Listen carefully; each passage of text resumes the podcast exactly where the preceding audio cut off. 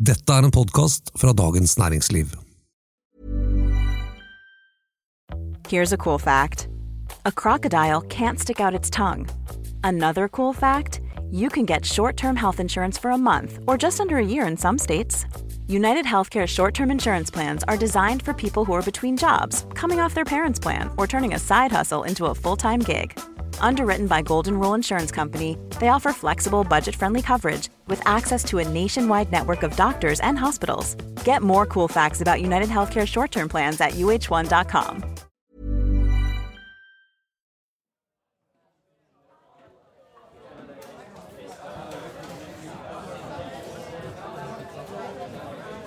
Velkommen til livepod av Finansredaksjonen i DN-teltet i Arendal. Det er jo ett år siden vi sto her sist. Og for et år det har vært i finansmarkedene, og for et år det har vært for lommeboka vår. For oss som er interessert i økonomi og hva som beveger finansmarkedene, så har jo det året vært helt sånn spektakulært. Eh, og blir det neste året også det? Det har vi tenkt å snakke litt om i dag. Jeg heter Anita Hoemsnes og er kommentator i DN. Og jeg heter Terje Erikstad og er finansredaktør. Og jeg heter Tor Kristian Jensen og skriver om aksjer.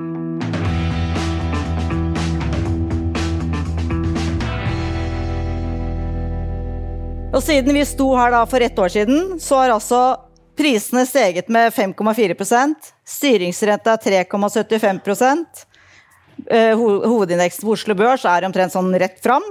Boligprisen har falt 0,2% oljeprisen 13% og gassprisen, som vi brukte ganske mye tid på tror jeg i fjor, har falt med 80% Så tallene er jo ganske tørre, men bak hver og en av disse tallene så skjuler det seg jo en ganske sånn spesielt år i norsk økonomisk historie, Terje? Absolutt. Uh... temaet i fjor var vel 'så vi på kanten av stupet'. Mm. Og rett etter våre sendinger så, så det ut som vi fikk helt rett. For aksjemarkedet stupte, oljeprisen stupte, gassprisen stupte, som du nevnte. Men hvis jeg oppsummerer, så er det egentlig tre overraskelser som liksom uh, forteller meg, eller karakteriserer det året vi har vært gjennom. Den første overraskelsen er inflasjonen, som du har nevnt. Den ble mye høyere enn alle så for seg. Den andre overraskelsen det var jo som egentlig en følge av den første, nemlig at rentenivået gikk mye mer opp enn det vi så for oss. Så sentralbankene satte opp renten mer enn det vi trodde. Men den aller største overraskelsen, den tredje, det er hvor godt økonomien har tålt det sjokket. Altså inflasjonssjokket og rentesjokket. Vi snakka om det før i dag, da vi forberedte oss. Altså, det er 100 000 nye som har kommet inn i arbeidsmarkedet det siste året i Norge. Sysselsettingen er oppe på det høyeste nivået siden 2009. Altså, og Det er ikke bare i Norge eh, at økonomien har holdt seg bra, det er også i USA. ikke sant, Tor? Du som er verdens største pessimist, så så vi her, og så gikk det bra! Og, så passer det inn i det, det du tenker, Tor Christian? Ja, nei, det er helt også aksjemarkedet. Hvis du måler totalindeksen på Oslo Børs eh, fra når vi sto her i fjor, så er vi ganske spot on eh, på samme nivå. Men det som er veldig interessant å legge merke til, er jo at hovedindeksen altså, den er helt flat. Det er veldig sjelden, hvis du måler over lang tid på Oslo Børs, at hovedindeksen er så flat som den har vært nå. Altså er, hadde du vært på sykehuset og en pasient, så hadde du vært dau med den hjerte, hjerterytmen. Og Det er jo veldig spennende å se, for det, det kommer ikke til å vare. og et eller annet, Det vil se ut eh, enten opp eller ned. og Jeg ser Børskommentar eh, senest i dag om, minnet om at september er ikke langt unna. og Vi husker hva som skjedde september i fjor. Da falt hovedindeksen over 15 eh, i september. Da var det litt andre ingredienser, som Terje var, eh, var innom her nå. Eh, veldig aggressiv rentesetning, fra, spesielt fra den amerikanske sentralbanken. Nå ser jo markedene at rentetoppen nærmer seg. og Vi ser i, USA eh, amerikanske, den brede indeksen SMP 500 har jo steget ganske frist de siste ukene og månedene. og Årsaken er at folk tror at Fed er ferdig med de mest aggressive. Det kommer kanskje én renteøkning til, men så er vi ferdig med det. Men ulempen er jo at rentene kommer til sannsynligvis til å forbli høy over, eh, over lang tid. Og se på så senest noen tall i dag. for Hvis du skal tegne deg for 30 års eh, boliglån i USA, nå snakker vi om en rente på 7,5% Så det er fortsatt veldig altså det er, Rentenivået blir fortsatt høyt. så Det blir ekstremt spennende å se hvilke utslag dette får for aksjemarkedet. Og Det er det vi tenkte vi skulle gjøre nå. At vi går gjennom liksom ulike temaer og disse tallene for å se hva er det vi kan tro vi kan forvente oss da neste år. Og vi er jo ikke noen sånne som lager prognoser. Vi gjør narr av de som lager prognoser. Men uh, det er jo artig da å prøve i hvert fall å si hva er slags beveggrunner som kan dytte i den ene eller andre retningen. Og da er det jo først inflasjon og renter som er virkelig det som har stått i fokus det siste året. Og nå fikk vi jo nye KPI-tall på fredag som uh, var ganske høye for så vidt, men uh, allikevel ble tolka som ok, nå begynner det å flate ut. Og så har vi da et rentemøte på torsdag som er det tolvte antageligvis, hvor det blir eh, renteøkning. Eh, og det er jo helt Det er tolv renteøkninger, men som du sier, arbeidsmarkedet er liksom dønn solid. Det er eh, Folk kommer inn i, i, arbeidslivet på en helt annen måte. Så liksom har Norges Bank rett og slett klart Og det vi sa i fjor, var at det, det å klare å sette opp renten riktig og til riktig tid, er det samme som å lande et fly i jordskjelv. Er det det Norges Bank har klart nå, og den amerikanske sentralbanken, å lande mykt i jordskjelv? Ja, Det er jo den store debatten nå. Klarer man den såkalt myke landingen, nemlig dempe inflasjonen ned mot prismålet uten å skape en økonomisk nedtur med kraftig ledighet osv. Og hvis man skal tolke finansmarkedene, så er troen på at det blir en myk landing veldig sterk. Uh, og det er jo det som forklarer den kraftige Vi snakket om det norske markedet som var flatt, aksjemarkedet, men det amerikanske markedet er kraftig opp. Og det er jo et uttrykk for en optimisme om at man klarer å uh, få ned inflasjonen uten å skade økonomien. Og så er det litt viktig å tenke på, for det er to typer inflasjon. Det er mange måter å måle inflasjon på. Men liksom to hovedtyper man måler. Det ene er konsumprisindeksen. Og det andre er den såkalte kjerneinflasjonen, hvor man justerer bort noe som er, svinger veldig mye. Og I Norge så justerer vi bort energivarer og avgifter. I USA så, og i andre land så er det gjerne energi og matvarer som uh, justeres bort. Og det vi har sett, er at den vanlige inflasjonen, KPI, konsumprisindeksen, den steg raskt, og så har den falt raskt. Det ser veldig bra ut. Men denne kjerneinflasjonen steg ikke så raskt, men den har fortsatt å stige, og faller ikke så raskt. Så den store debatten blant økonomene nå er får man ned denne kjerneinflasjonen, som da drives i større grad av eh, type utvikling i leiepriser, eh, lønninger, eh, servicenæringen osv. Og, og jeg personlig eh, er jeg ikke sikker på hvor, hvor dette lander. Jeg håper at de som spår soft landing, som det heter på godt norsk, har rett. Men jeg er ikke sikker. Det er jo helt forbløffende. Altså, for I fjor hadde noen stått her oppe og sagt at vi tror på myk landing. Så hadde vi blitt sett på som en komplett dust. Det var jo ingen som trodde på det. Og det, var, det, lå ganske opplagt i, og vi så det jo på Vi, snakket, vi elsker å snakke om i Finansredaksjonen en invertert rentekurve. Du elsker å snakke om en invertert rentekurve. Som viser, jeg liker det. Ja, altså, jeg liker den så viser jo helt opplagt at det var Viste og viser helt opplagt Ok, Men da begynner jeg, da sier jeg som jeg alltid gjør. Forklar hva det er for noe først. Jo, rente, den inverterte rentekurven det er altså hvis du har en tidsserie. Så hvis du starter med de helt korte lånene bare på noen måneders løpetid, og så går du bortover på en, på en linje, og så ender du her borte med kanskje 30 års løpetid. Og da er det sånn vanligvis i, eh, i rentemarkedet og renteteori så skal jo rentekurven stige når løpetiden lenger. Så de der 30-årslånene skal jo en høyere Den kurven skal gå oppover sånn. Fin stigende kurve oppover der. Men sånn er det ikke nå. Den går den veien. Og det er veldig sjelden at det skjer, og det er et veldig stygt tegn.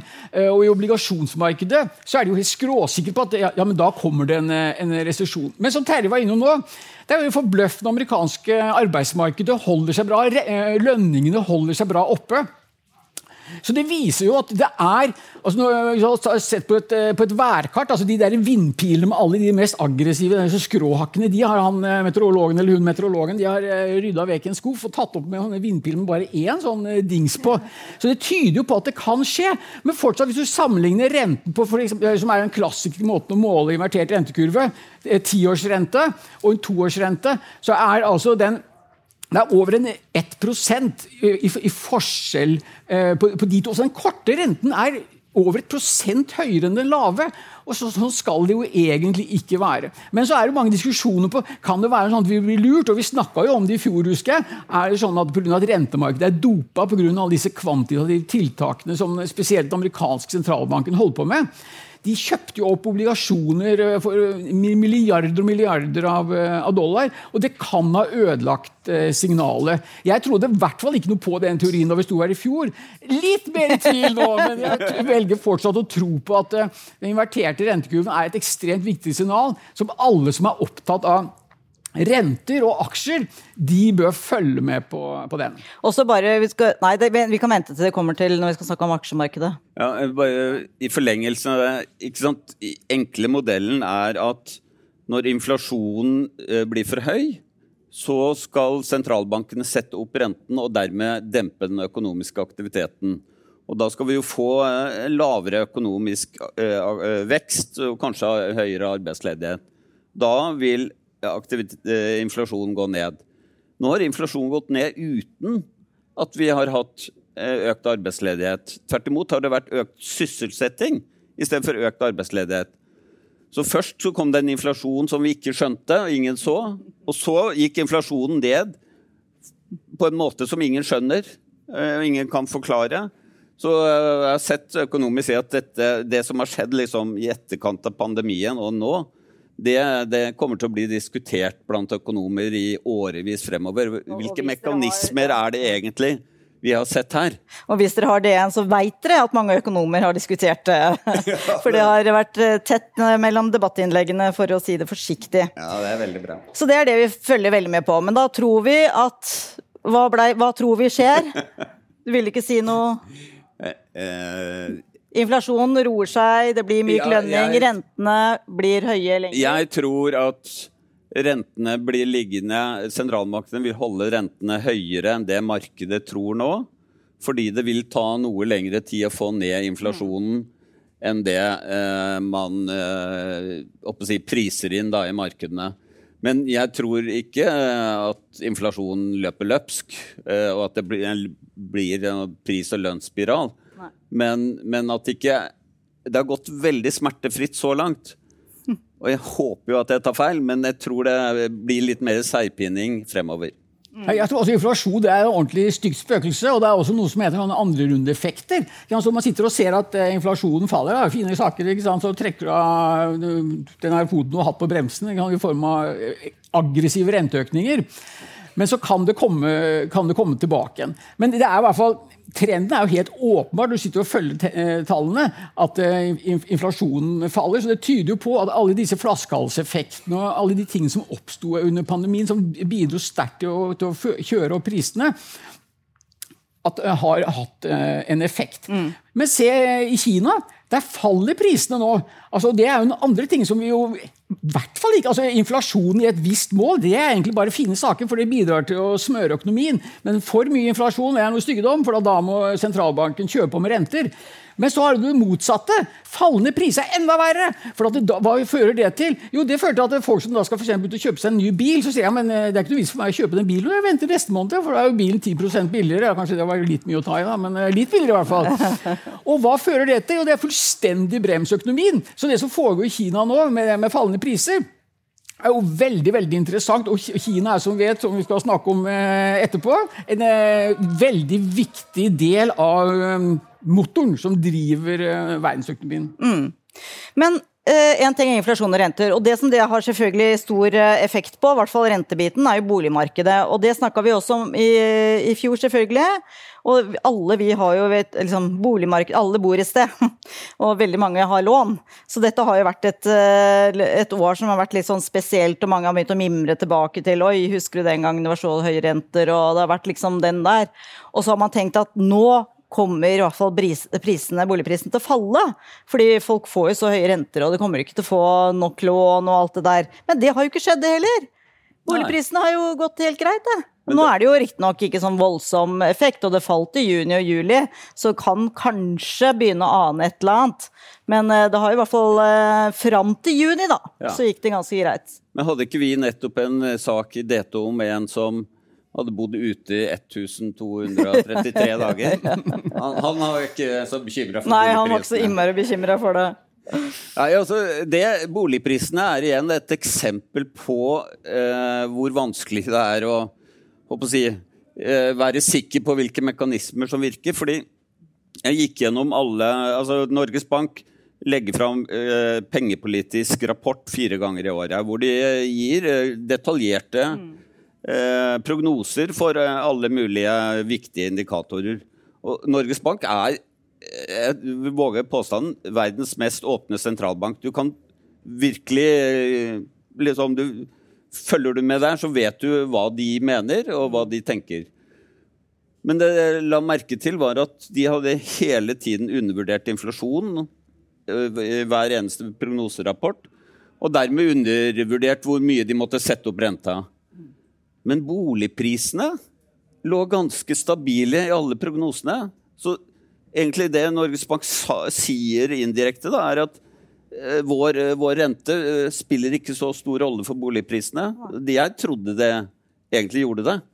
Så eh, Norge har vært litt sånn eh, avvikerland når det gjelder boligpriser. fordi i Sverige har jo boligprisene falt kraftig.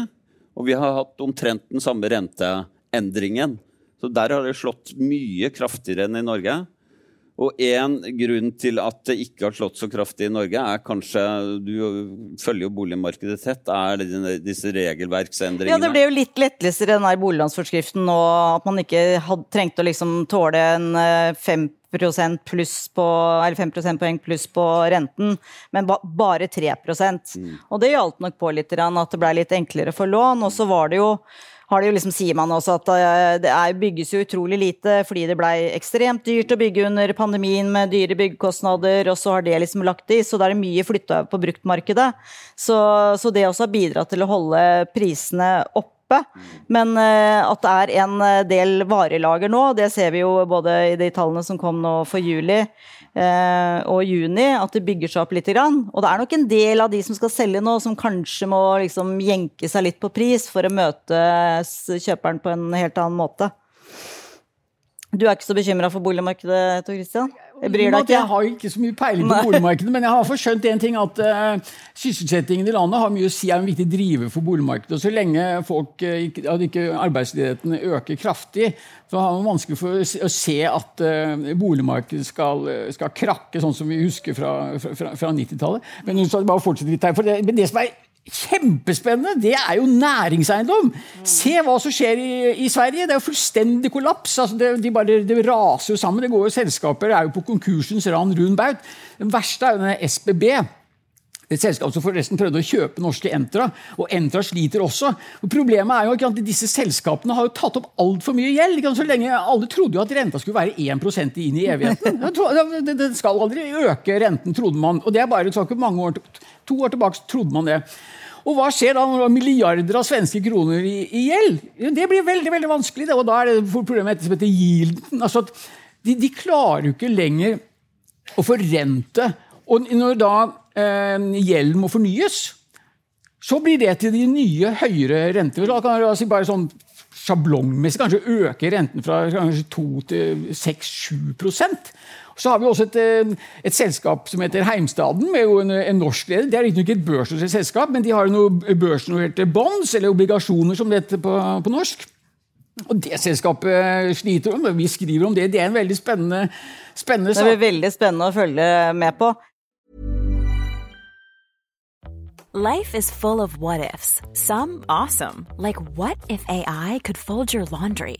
And some, well, less awesome, like what if you have unexpected medical costs? United Healthcare can help get you covered with Health Protector Guard fixed indemnity insurance plans. They supplement your primary plan to help you manage out of pocket costs. No deductibles, no enrollment periods, and especially no more what ifs. Visit uh1.com to find the Health Protector Guard plan for you. Millions of people have lost weight with personalized plans from Noom, like Evan, who can't stand salads and still lost 50 pounds. Salads, generally, for most people, are the easy button, right? For me, that wasn't an option. I never really was a salad guy. That's just not who I am. But Noom worked for me. Get your personalized plan today at Noom.com. Real Noom user compensated to provide their story. In four weeks, the typical Noom user can expect to lose one to two pounds per week. Individual results may vary. It's that time of the year. Your vacation is coming up. You can already hear the beach waves, feel the warm breeze, relax, and think about work. You really, really want it all to work out while you're away. Monday.com gives you and the team that peace of mind. When all work is on one platform and everyone's in sync, things just flow wherever you are. Tap the banner to go to Monday.com.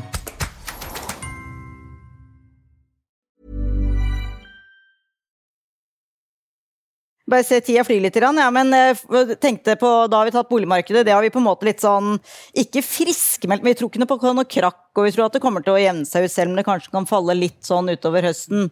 Men til det vi prata aller mest om i, i, fjor, var jo selvfølgelig olje- og gasspriser. For da var det jo helt ellevilt høye både olje- og gasspriser. Og da var det jo selvfølgelig den forferdelige Ukraina-krigen som uh, fortsetter, og som påvirka disse markedene. Uh, men det syns jeg, apropos hva som overraska det siste året, hvordan man klarte å tilpasse seg Tyskland, Europa generelt, et uh, helt annet energimarked enn det de hadde før uh, Ukraina-krigen. Men for Norges del, hvis vi skal være skikkelig egoistiske, så, så er det jo selvfølgelig ikke noe heldig at olje- og gassprisene faller. Nei, vi var jo en for å si det litt brutalt, en krigsprofitør de luxe i 2022. Eh, verdiskaping på 2000 milliarder eh, kroner fra olje- og gassvirksomheten. 36% av all verdiskaping i Norge kom fra det i fjor. Eh, året før var det 22% og i første kvartal i år ligger det på 26% så det var helt ekstraordinært. Eh, bare en, et litt malapropos til Ukraina-krigen. En medvirkende årsak kanskje til at boligmarkedet har holdt seg sterkt i Norge, er alle flyktningene som har kommet hit. Vi har netto økning i eh, befolkningen i Norge som er det høyeste på jeg tror kanskje noen gang på ett år eller to år. Så det er jo en, si, Etterspørselen etter boliger har økt eh, betraktelig. da. Men det som uh, skjedde med gassmarkedet, er superinteressant. Og i 2022 og kanskje 2021, særlig i 2022, så var det sikkert noen av dere som var fly forbanna på gassprisen i Europa bestemte strømprisene i Norge. For det bidro de til. Nå er det kanskje gassprisene i Japan eller i Australia eller i Kina som kommer til å bestemme eh, strømprisen i Norge. Fordi tidligere var gassprisen egentlig bestemt av eh, tilbudet med, fra Russland og Norge inn i Europa i rør. Når rørene fra Russland er kutta, så må Europa importere flytende gass, LNG. Og da er LNG-prisen, den globale LNG-prisen, som egentlig bestemmer gassprisen i Europa, som igjen bestemmer gass eller elprisen i Norden. Sånn at vi, den eh, si, påvirkningen fra gassmarkedet den er der fortsatt, men nå er det egentlig enda mer uoversiktlig enn det det var. Men så langt så har eh, gassprisene oppført seg å si, eh, ganske rolig. Sånn at det, vi har liksom ikke fått dette inn i norske strømpriser. Eh, og bare på olje så er det jo eh, Russland og Saudi-Arabia som i stor grad prøver å styre oljeprisen nå. Og kanskje har Saudi-Arabia mer makt over oljemarkedet enn på veldig lenge. Og så lenge de eh, holder igjen produksjonen, så eh, klarer man til en viss grad å stabilisere markedet. Men så er spørsmålet om det blir en resesjon globalt, og om etterspørselen da nå var jo Tor innom Kina. Ja, hva skjer da? Hva skjer med, Hvis det blir nå en resesjon i Kina og de ikke klarer å få økonomisk vekst, så vil jo det nettopp ha en stor effekt på olje- og kanskje også gassprisene. Helt klart. Og hva vil skje med Oslo Børs da? Ja, Det er bare å slå av lyset og gå igjen. Nei, Det kommer til å få en dramatisk konsekvens. for at, som vi om i sted, altså Kina er jo kjempeviktig motor og eh, importerer masse olje. og de, Alt mulig annet rart. Eh? Det kinesiske eiendomsmarkedet som nå er i ferd med å kollapse. Noe som heter Country Garden, svært kinesisk eiendomsselskap er i ferd med å kollapse, klarer ikke å betale regningene sine. Og det kinesiske eiendomsmarkedet bruker massivt med stål og uh, jernmalm og alt mulig som skal inn i disse uh, stål og, som de bygger disse byggene. Og det meste av det importerer du da utenlandsfra. Og sånn som Norge er jo en svær råvareeksportør med aluminium og jernmalm og, og olje. Mm. Og hvis det blir Hvis krisen i det kinesiske eiendomsmarkedet sprer seg til resten av økonomien. Nå er det mange eksperter som ikke tror det, at det kommer ikke kinesiske myndigheter til å godta. for at det vil få så alvorlige konsekvenser. Men hvis det skulle skje, så er det jo ingen vei utenom at uh, oljeprisen skal ned. Altså Nå er oljeprisen rundt 87 dollar per fat. Og når vi snakker om i fjor, da var den på det meste 130 dollar per fat. Og det er jo helt uh, galskap. Det går jo ikke, Du kan jo ikke ha en oljepris på 130 dollar per fat. For det fungerer som en kjempeskatt inn i økonomien og vil bremse økonomien. Så kan man jo på positiv side si at når du nå har sett at oljeprisen har falt, og naturgassprisen har falt, så er det et tegn på at det han Putin prøvde seg på. Han prøvde seg på den spanske med å bruke olje- og gassmarkedet som et pressmiddel mot Europa for å få oss til liksom å være litt eh, mildere stemt mot denne krigen. Men som dere snakker om, ikke sant? tyskerne har klart å omstille seg de luxe. Så man ser det at oljeprisen har falt og naturgassprisen har falt, tyder jo på at eh, man klarer å få dette markedet til å fungere. Og, og olje- og gasselskapene de klarer seg utmerket med 87 dollar per fat. De fleste oljefelter ruller og går, og planlagte prosjekter klarer seg på, på den prisen. Men veldig, veldig spennende blir jo da hvor den skal, eh, skal gå. Og når, akkurat For ett år siden når vi var her, så var den kanskje litt over 90 dollar per fat. Da var den på vei rett ned fra 130. Og nå ligger jeg på ca. 87 har steget eh, litt. Grann. Men det blir veldig veldig spennende, og det har ekstremt mye å si for Oslo Børs, hvor det er så mange oljerelaterte eh, aksjer. Mm. Det vi i hvert fall har lært, er at priser virker. Altså, Når det blir ekstreme priser, så endrer eh, folk tilpa og tilpasser seg. Og vi så det eh, i dag. På morgenen så kom NVE med ny kraftprognose for, for Norge fram mot 2028. Og den gode nyheten er at uh, kraftbalansen er, ser noe bedre ut.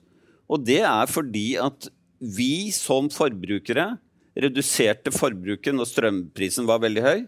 Og veldig mye av den reduksjonen har vi faktisk fortsatt med, selv om prisen, når prisen har gått ned. F.eks. For fordi vi har uh, installert varmepumper eller gjort energieffektivisering. Så høye priser er ikke populært, men det virker. Apropos høye priser, fordi det er jo helt absurd at vi fortsatt prater så mye om olje og gass. I og med at dette er jo ikke noe vi skal drive med i fremtiden, da skal vi jo alt være fornybar energi. Og Kina har jo vært en av de viktigste driverne for å få fram fornybar energi. Og det kan jo være en liten sånn, eh, når de begynner å gå litt i bakleksa og dempe litt på veksten, hvordan går nå dette her? Og vi krangler om havvind og vindkraft og regn og i det hele tatt. Eh, vil olje og gass fortsatt ha den posisjonen det har nå, når vi står her om ett år? Jeg tror dessverre eh, at uh, svaret er ja. dessverre ikke for norsk økonomi, for det er bra for norsk økonomi på kort sikt, men for klimaet er det ikke bra. Så Og det er ikke noe tvil om at den norske økonomien sånn som den er nå, er ikke klimarobust. Vi kan ikke ha dagens økonomiske struktur hvis vi skal omstille oss til det grønne skiftet og en lavutslippsfremtid. Du har vel skrevet en kommentar som kommer på trykk i morgen hvor det står at vi skal avvikle oljenæringen. Det er det smarteste. Og en styrt avvikling av oljenæringen er det økonomisk smarteste for Norge. Det er ikke populært å si det heller, men det er det forskning viser. At hvis man ikke styrer en sånn omstilling, så blir resultatene mye dårligere. Fordi vi kan ikke regne med at vi skal produsere like mye fossil energi fram mot 2050. Men en, ting er olje og gass, som da selvfølgelig olje- og gasselskapene tjener ikke like mye penger, så de faller også på børsene rundt omkring. Det som har tatt over, og en av de viktigste grunnene til at eh, den amerikanske børsen har gått, er jo tech-selskaper. Eh, som du var og det Da skal vi komme tilbake til den inverterte rentekurven. For det som er dumt med at den der renta er litt på, lav på lang sikt, er jo da at da blir det vanskeligere for de umodne tech-selskapene til å, å regne hjem. Eh, kan ikke du forklare det? jo, eh, eh, nei, det, som, ja, det, det som skjedde Du hadde alle disse tech-selskapene og mange av de som tjener masse penger langt inn i fremtiden. Problemet med å tjene masse penger langt inn i fremtiden er at hvis, eh, hvis eh, renta øker så blir de pengene mindre verdt. For det er noe som heter diskontering. Altså en krone om ti og gjøres om til en krone i dag, og så plutselig er halvparten av den borte vekk. Eh, og Det skjer med høyere renter. Og det, det som forklart med, med denne rentekurven, som jeg sa Ja, det er riktignok det at den lange renten er, kortere, eller er lavere enn eh, den korte renten. Men det som har skjedd, er at hele kurven har skifta oppover. Så det som selv om den er lavere i den høye så er den fortsatt lavere i den, høy, i den lange rennen enn før. Så er den fortsatt mye høyere. Altså det er blitt vanskeligere for, for, vanskeligere for, for selskaper. Altså det, kalles eh, vekstselskaper, hvor det meste av inntjeningen er um, langt frem i tid. Men så har jo de uh, hosta opp et nytt konsept, disse vekstselskapene. og Det er det som heter KI, eller kunstig, kunstig, intelligens, eller AI, som det heter på, på, på feed. Og det er blitt en sånn akkurat som det var under dotcom-bølgen, og som det var med krypto. Alle selskaper strør om seg. Vi driver med KI. De har kanskje aldri hørt om KI. Ja, De har skjønt at kursen går hvis du sier at du driver med KI. Sånn som det var med, med krypto. Hvis du het et eller annet du drev og solgte brus, ja, sånn det var eh, eh, kryptobrus, og så steg kursen. Det er helt sinnssykt, men det er så klassisk for aksjemarkedet at det er eksesser, og folk er livredde for å gå glipp av noe. Så hvis de ser jøss, yes, de andre aksjene stiger for at de snakker om KI. Da må vi jo begynne å se, og vi ser på i Norge. Kahoot snakker om KI annenhver dag. Eh, Aker-selskapene snakker om, eh, om, KI. Men de erkjenner jo da også at det kan være en, en boble. Og jeg sier bare det er ikke bare kan, det er en boble. Er en boble. Ja, men da må jeg få lov til å ta en femsekunders sånn, eh, spørreundersøkelse her. Hvor mange i salen har blitt påvirket av KI i jobben sin det siste året? Altså på merkbar måte? Ja, det er noen. Dægeren. Det, er ikke bare, det er ikke bare snakk. Det skjer noe. Men det er ikke sånn at veldig mange opplever det akkurat nå. Og det som du har vært skrevet litt om, er jo at den prisingen av disse tekstselskapene, det er jo da helt vanvittig i forhold til eh, inntjeningen sånn som det er nå. Ja, det er, altså, jeg, jeg, har ikke det tallet i hodet hvor mange tusen børsnoterte selskaper det er i verden. Men syv av de titusenvis av selskapene er nå utgjør nå 10% av verdien av alle verdens uh, børsnoterte selskaper. De syv selskapene er jo da de kjente selskapene fra USA. Det er eh, Apple, det er Microsoft, det er Amazon, det er uh, Nå må jeg huske alle. Uh, Alphabet, ja. og Google Hva sa jeg? Jeg sa Amazon, mm. og så sa, jeg, sa du Alphabet. Det var Google. Og så er det Tesla og Nvidia. Hvor mange hadde hørt om Nvidia for noen få uker, måneder siden? Det er, bare, ja, det er noen som følger med. Det er jo liksom selve eksempelet på et sånt selskap som bare er blåst opp på troen på kunstig intelligens. Mm. Og det her er, det ligner veldig, som Thor sier, på dotcom-boblen i eh, år 2000. Men det som var så fascinerende med dotcom-boblen, ja, det var sånn som Amazon og, altså, Det var jo masse, masse selskaper, og mesteparten av det var bare tulleselskaper som bare ble priset på hvor mange ansatte har du Men hallo, ikke jeg har 100 ansatte, ja, men da er prisen 1 milliard. Ja, men jeg har 2000 ansatte, ja, men da er den 20 milliarder. Det var, det var helt ko-ko. Men det som var den store tingen med dotcom, var jo at ut av det kakofoni så vokste jo fram noen fantastiske selskaper. Amazon er, er jo en av dem. Og med kunstig intelligens så er jeg helt sikker på at uh, noe av det samme vil skje. Kanskje til og med med krypto. Der er jeg ikke helt sikker, men mulig. Men det er så mye Alle prøver liksom å rane til seg noe av de kronene som er i det markedet. For det er veldig billige penger. Hvis du klarer å overbevise noen om at uh, du har svaret på, på KI, så du, da kan du tjene milliarder. Men uh, det vil vokse fram noe bra, og så er det veldig mye søppel. Ok, Og det søppelet det skal vi avdekke da neste år. Da skal vi ta fram søppelposen og se hva som var endringen fra når vi står her i dag, til om ett år. Det blir veldig spennende. Tusen takk for at dere hørte på Finansredaksjonen. Vi kommer én gang i uka, så bare å finne podkasten der du ellers hører på det. Takk skal dere ha.